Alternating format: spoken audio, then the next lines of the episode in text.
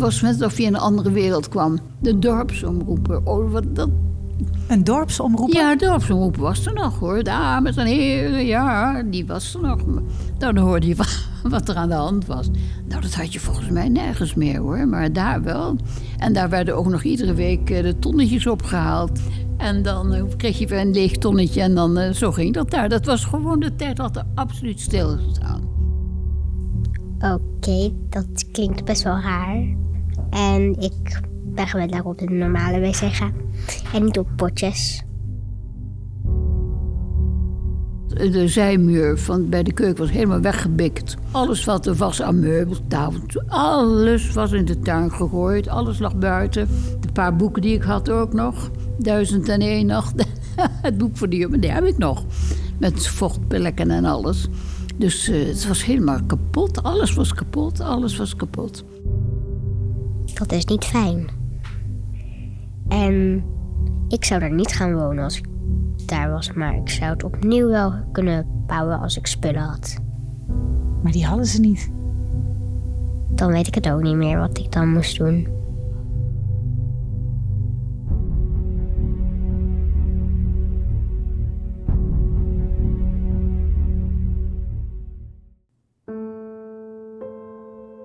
Je luistert naar de podcastserie Ik Kom Terug. Waarin je verhalen hoort van de ruim 100.000 mensen die de slag om Arnhem hebben meegemaakt. In 1944 moesten ze hals over kop hun huis verlaten. Niemand wist waar naartoe of voor hoe lang. De Duitsers hadden Arnhem bezet en wilden ruimte maken om de stad te kunnen verdedigen. Mijn naam is Linda Geerdink en ik sprak 20 ooggetuigen met ieder een eigen litteken.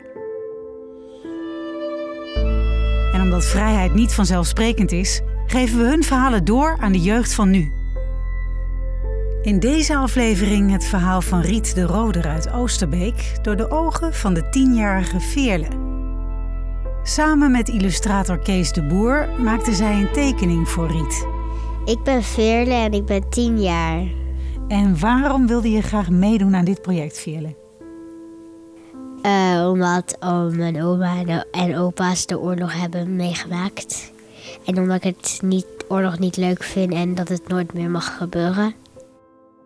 Riet de Roder was 12 toen zij de slag om Arnhem meemaakte.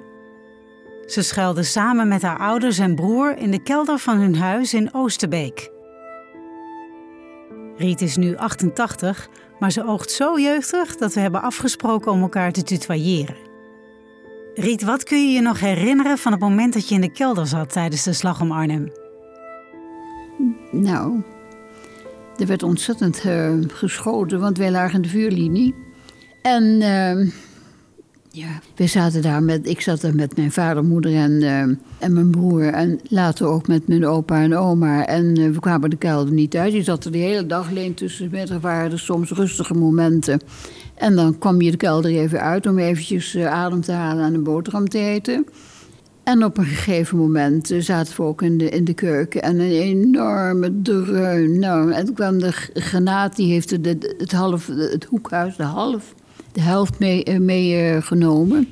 en eh, de, als je granaat over je overkomt, dan hoor je fluiten. Een heel eigenaardig geluid. En eh, nou ja, als je dat geluid dan eh plotseling eh, weg is, ja, dan weet je het, dan hoor je een doffe dreun.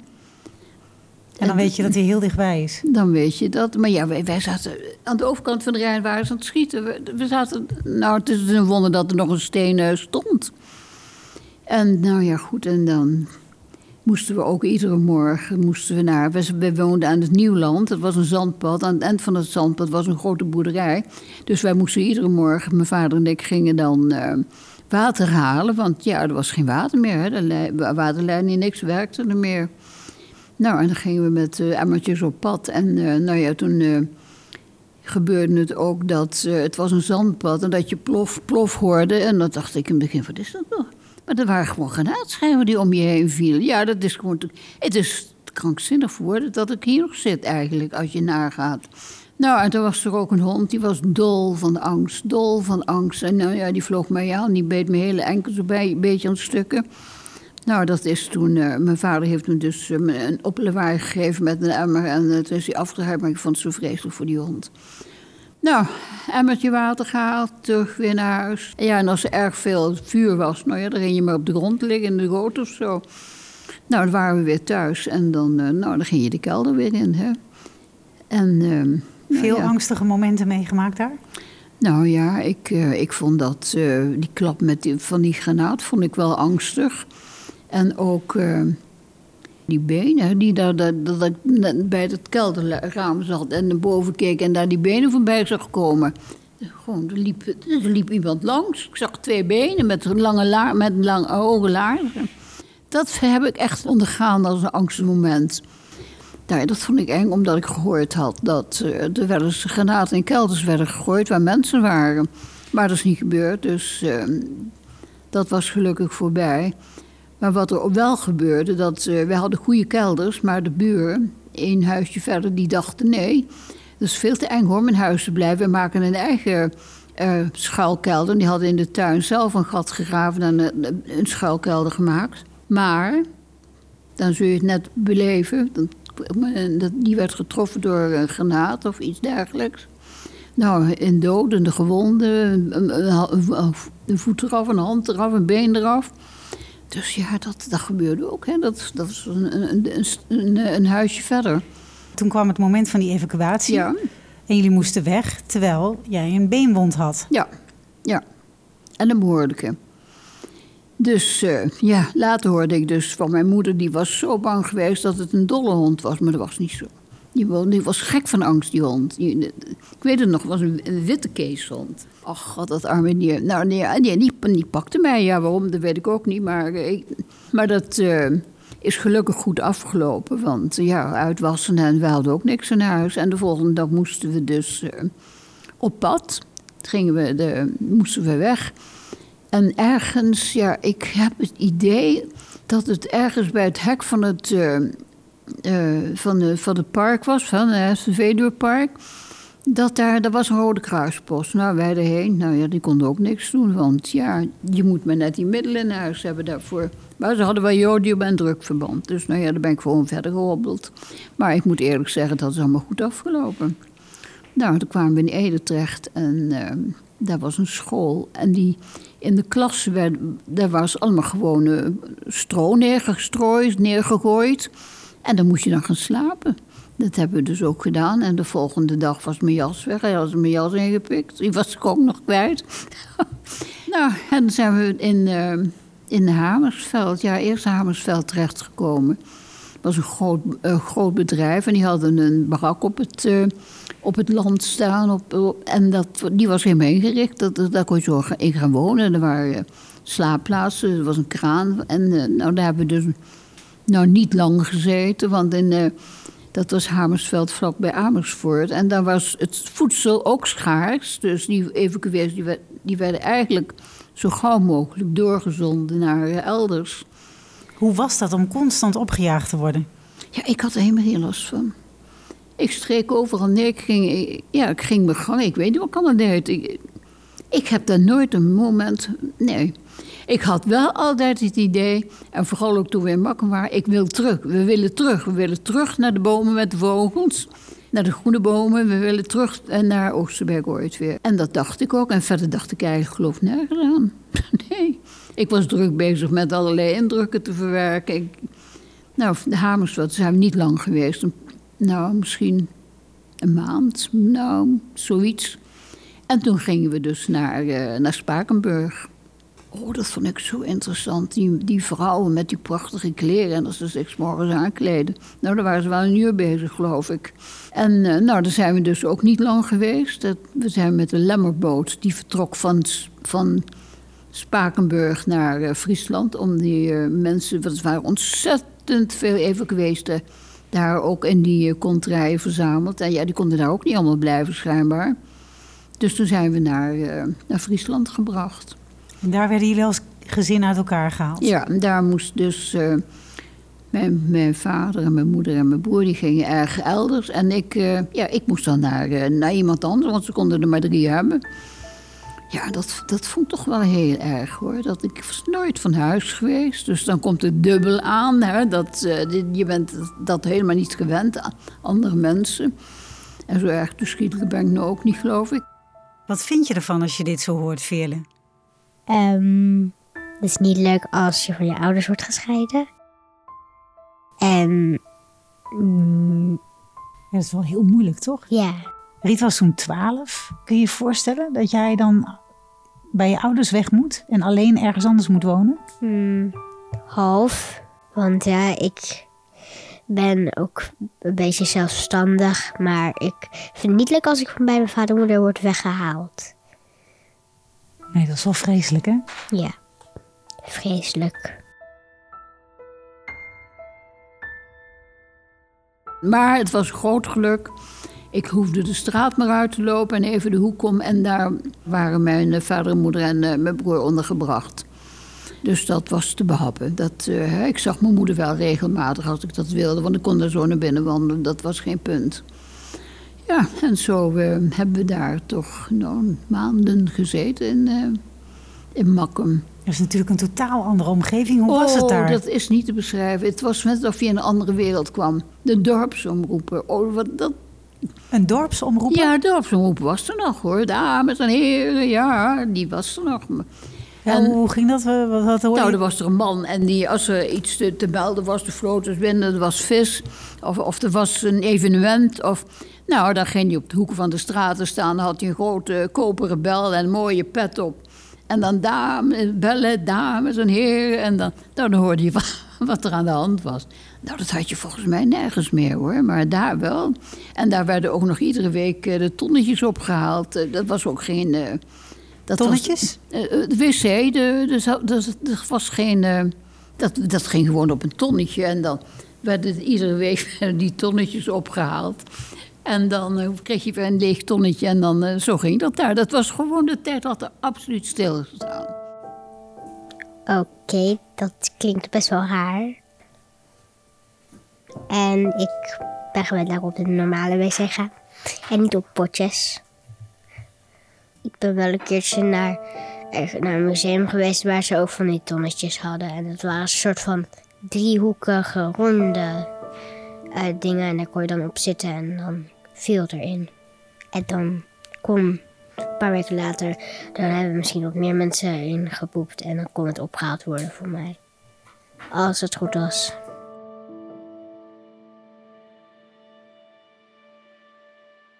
Zag dat ding, daar, wist ik het bestaan niet van. Nette boete. Het begin van de wijk, ik heb heel veel op die dijkjes zitten kijken. Er werd het een nette geboet. Nou, dat was fantastisch. En dan Wat die gebeurde dijk... er dan? Nette boete? Wat? Nou, eh, de vissers, het was een vissersdorp. Hè? En uh, nou ja, dan kwamen die, die, die, uh, die vissers die kwamen terug en er waren vaak netten kapot gescheurd.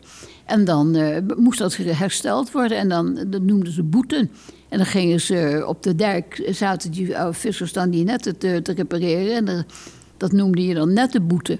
En dan die dijk ook. En dan, dan, dan zat je daar. En dan, ik kan gewoon dat gevoel nog oproepen. Dan, dan zat je daar in de zon. En het rook allemaal naar carboleum. Want al die vissers, die, er werd carboleum gebruikt. En ja, dat was, dat was heel apart allemaal. En dat was ook zo mooi, want in dat, uh, in dat water, vlak voor de haven, had je enorme rietvelden. In het water met vogels en alles. Ja, ik vond het echt. Ja, dat had ik toen niet in de gaten, hè, dat het zo geweldig allemaal was. Maar dat, later heb ik me toch gerealiseerd. Van jee, wat was het toch een fantastisch iets. En Friesland is op zichzelf, vind ik, een prachtige provincie. Die uitgestrekte weilanden, het barstte nog van de kievieten en de, en de gutto's. En dan die, die heldere sloten met die bruggetjes. Ja, ik weet het niet. Ik voelde me daar helemaal happy. En dat kan ik gewoon nog helemaal, helemaal nog voor de geest halen. Nou, dat klinkt allemaal heel romantisch, maar het ja, is natuurlijk alles behalve leuk. Nee, maar dat, in die situatie ben je terechtgekomen. Je hebt hem niet opgezocht. Nee, je bent erin terechtgekomen. En dat, uh, daar heb ik uh, uh, toch wel geluk mee gehad. Dat ik bij zulke goede mensen ben terechtgekomen. Jullie konden terug naar Oosterbeek. Wat trof jullie daar aan? Nou, een heel kapot huis. Helemaal kapot. De zijmuur van, bij de keuken was helemaal weggebikt. En vanuit de keuken hadden een hele lange eh, loopgraaf tot helemaal achter in de tuin. We hadden een geweldige lange groot, eh, groentetuin. En daar stond een kanon, een luchtdoelafweerkanon, een groot kanon. En die, eh, de keuken, nou, die was bezaaid ook met, eh, met stro, hele dikke laag stro. Dus ik denk dat ze daar s'nachts gebivakkeerd hebben dan. En dat daar soldaten hebben gezeten, barsten van de muizen. Je deed de kastdeur open en de muizen die vlogen je om de oren. En dat, eh, nou ja, het was allemaal kapot. En alles wat er was aan meubels, alles was in de tuin gegooid. Alles lag buiten. De paar boeken die ik had ook nog. Duizend en één nacht. het boek voor die jongen, die heb ik nog. Met vochtplekken en alles. Dus eh, het was helemaal kapot. Alles was kapot. Alles was kapot. Dat is een hele grote rommel. En ik zou daar niet gaan wonen als ik daar was, maar ik zou het opnieuw wel kunnen bouwen als ik spullen had. Maar die hadden ze niet. Dan weet ik het ook niet meer wat ik dan moest doen. Ja, ze hadden helemaal niks meer, hè? Dat is niet fijn.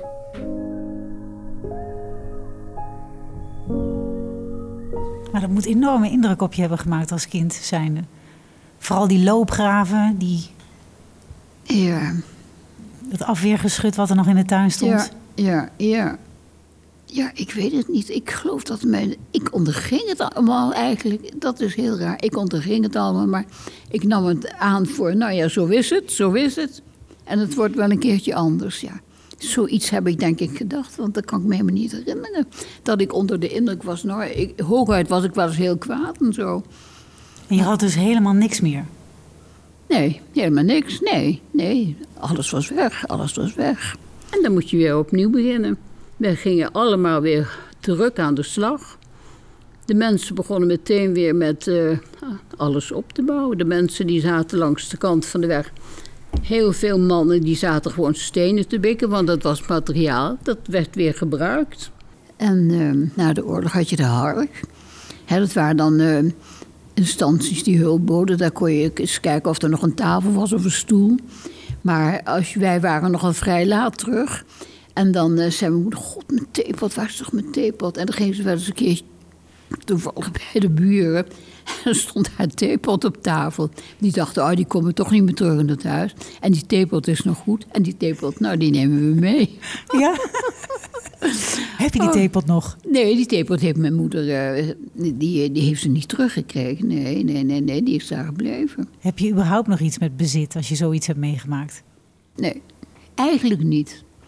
Een paar persoonlijke dingen misschien, eh, waar herinneringen aan zitten.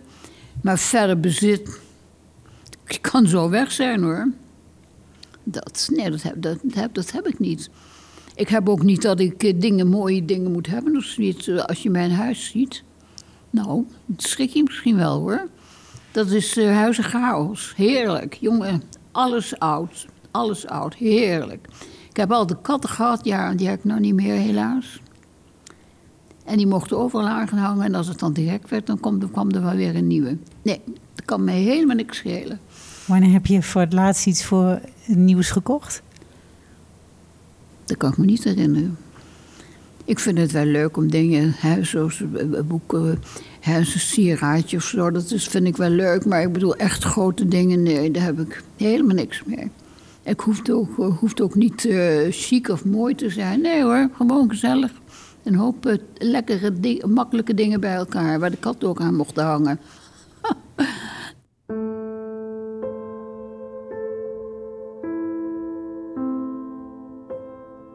Veerle, wat ga je tekenen nu je haar hele verhaal hebt gehoord?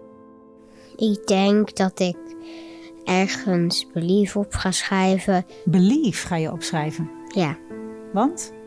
en dat betekent geloven. En als je in jezelf gelooft, kan je alles voor elkaar krijgen. En dat ze een huis een beetje Fries gaan bouwen. En dat ze gelukkig verder leven. Want je hoopt natuurlijk dat ze nu gelukkig is. Ja, Nou, dat lijkt me hartstikke mooi. Wat vind jij ervan, Kees? Ja, ik eh, vind het hartstikke mooi ook. Illustrator Kees de Boer helpt Veerle bij het maken van een illustratie voor Riet op een porseleinen bord. Kun je goed tekenen, Veerle? Ehm, ja. Ik kan alleen niet goed mensen tekenen. Ik kan je helpen. Kijk, hier is een bord. hebben we het stiften nodig. Stiften. Ja. Blauw. Ja. Wat ga je doen? Ga je eerst het woord opschrijven? Nee, ik ga een beetje doen alsof het porselein is en dat is met blauw. Wauw. Ja. Oké. Welke kleur is een Fries huis? Vies huis. Dan moeten we eigenlijk bruin hebben, of niet? Ja. Dus je gaat een vies huis tekenen. Nee, Fries. Een Fries huis. Oké. Was dat het verhaal van, van dat ze vertelde over die keuken die helemaal open lag? Half. Alleen het huis is niet echt helemaal af. Ik weet niet precies waar de keuken staan. Maakt niet uit. Wat is jouw fantasie? Wat teken je nu? Ik teken een mens. Oké. Vrouw of een man? Een oma. Een oma. dat is een vrouw, hè? Ja, weet ik. Alleen die heeft iets korter haar. Oké. Kijkt wel blij ook. Ja, want ze gelooft. Ze gelooft. Precies, want het is het thema van je bord, toch? Wat had je ook Ja. alweer voor een mooi bord bedacht? Belief. Belief. Ze heeft een baksteen in de hand. Wat is ze aan het doen? Ze is het huis aan het opbouwen. Het huis aan het opbouwen. Ja. Ik ga even wat op haar shirt schrijven. Oké.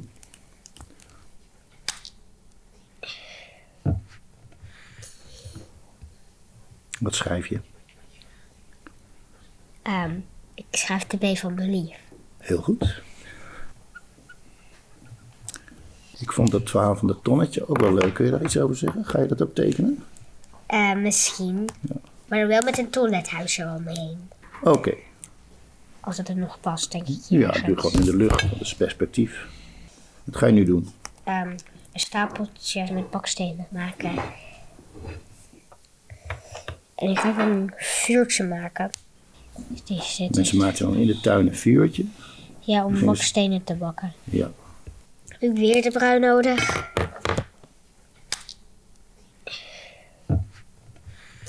Mensen die werden natuurlijk heel, heel inventief hè, in de oorlog. Ja, dat ze zelf de bakstenen gingen maken. Ja. Oranje zijn de slechte bakstenen, dus daar liggen de slechte bakstenen. Oh, oké. Zij heeft een hele mooie rode steen in de, in de hand. Ja, dat zijn de goede De goede, bakstenen. goede bakstenen.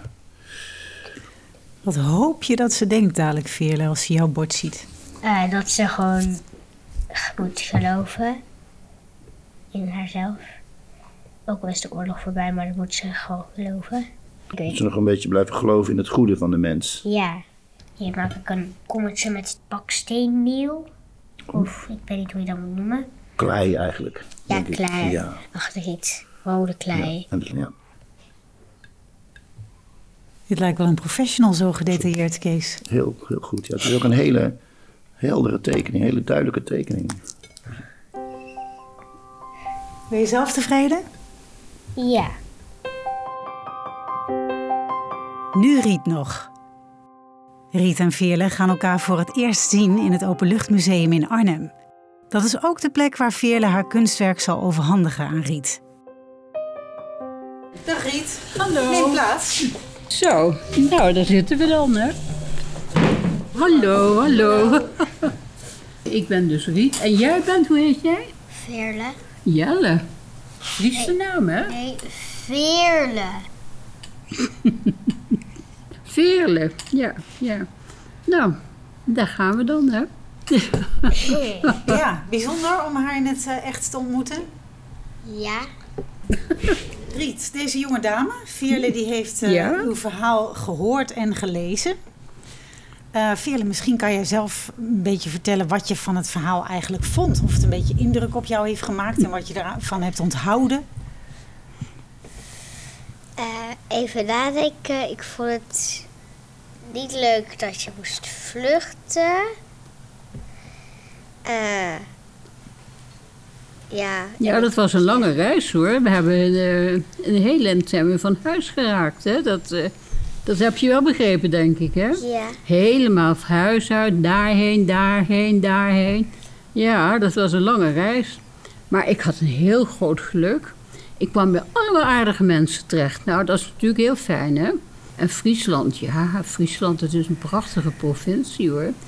En ik heb er ook heel veel geleerd. Hè? Dat, eh, dat snap je wel, want je hebt natuurlijk ook gelezen dat ik mee ben geweest, dat ik bij een visser was terechtgekomen. Die had een groot schip van de Zuiderzeevloot. En die ging iedere dag de Waddenzee op, dat weet je wel, hè, de Waddenzee. En die ging daar vissen en nou, daar mocht ik mee.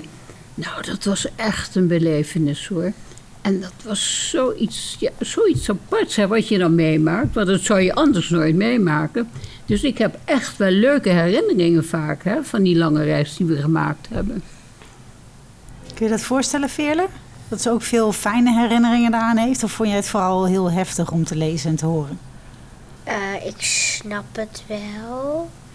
Want vroeger reisde je niet zo vaak dan nu. Nu hebben we allemaal auto's en heel veel vliegtuigen en betere fietsen en andere voertuigen.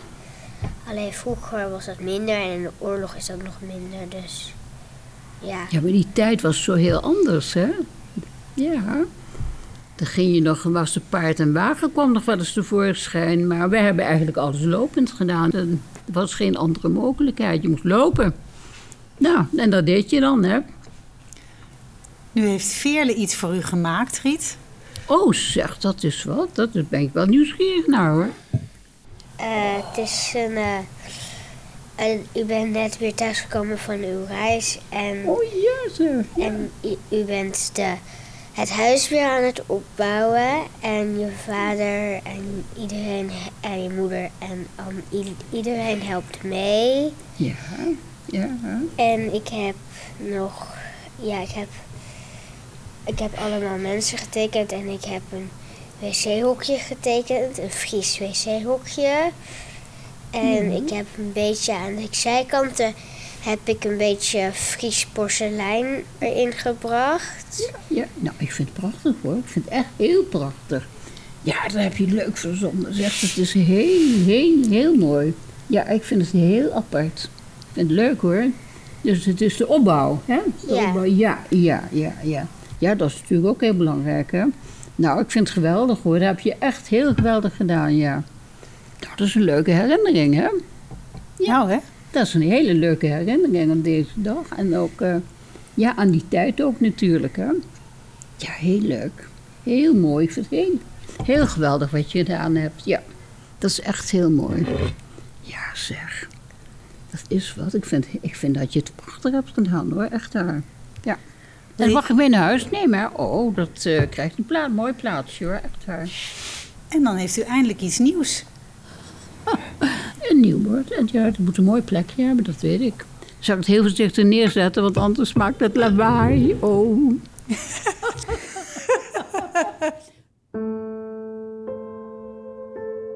Je luisterde naar de podcastserie Ik Kom Terug. Wil je het kunstwerk van Veerle zien? Volg ons dan op Facebook of Instagram. En wil je meer evacuatieverhalen horen? Luister dan in je favoriete podcast-app naar meer indrukwekkende herinneringen. Zo ook het verhaal van Annie Bremer. Zij was zeven toen de stofwolken van de bombardementen door haar straat trokken. Vader en moeder vluchtten met hun zes kinderen naar de kelder. Althans, ze dachten dat ze compleet waren. Toen eh, vloog de, de staldeur open en je zag allemaal rook. En, en eh, dat is wat ik me kan herinneren. En wij vlogen allemaal naar de kelder. En toen kwamen we tot de ontdekking dat mijn jongste zusje, ik was toen zes zo, die was drie, die hadden ze vergeten. Die lag nog in bed. ja. Wel heftig dat ze haar zusje waren vergeten. Ja, Toch kun je toch niks bij voorstellen? nee, dat is. Ja, ze waren ook wel met veel kinderen. Dus ja, als je opeens eentje mist, dan, eh, ja, dan is dat wel heftig. Ook nog in de oorlog. Dus ja. De verhalen van ooggetuigen worden steeds zeldzamer. Deel daarom deze podcast, zodat iedereen hoort dat vrijheid niet vanzelfsprekend is. Deze podcastserie is mogelijk gemaakt dankzij de samenwerking tussen Airborne Museum Hartenstein, het Nederlands Openluchtmuseum, de Airborne Region, Bureau Kessel en de NOW Foundation. Met steun van provincie Gelderland, programma Vrijheid, gemeente Arnhem, VSB-fonds en het V-fonds. De redactie werd gedaan door Marieke van Kessel. De montage lag in handen van Linda Geerdink. En de eindmix deed Peter Kluiver. Wij hopen natuurlijk dat veel mensen gaan luisteren en daarvoor helpt het wanneer je een recensie achterlaat bij Spotify of Springcast. Graag tot de volgende aflevering.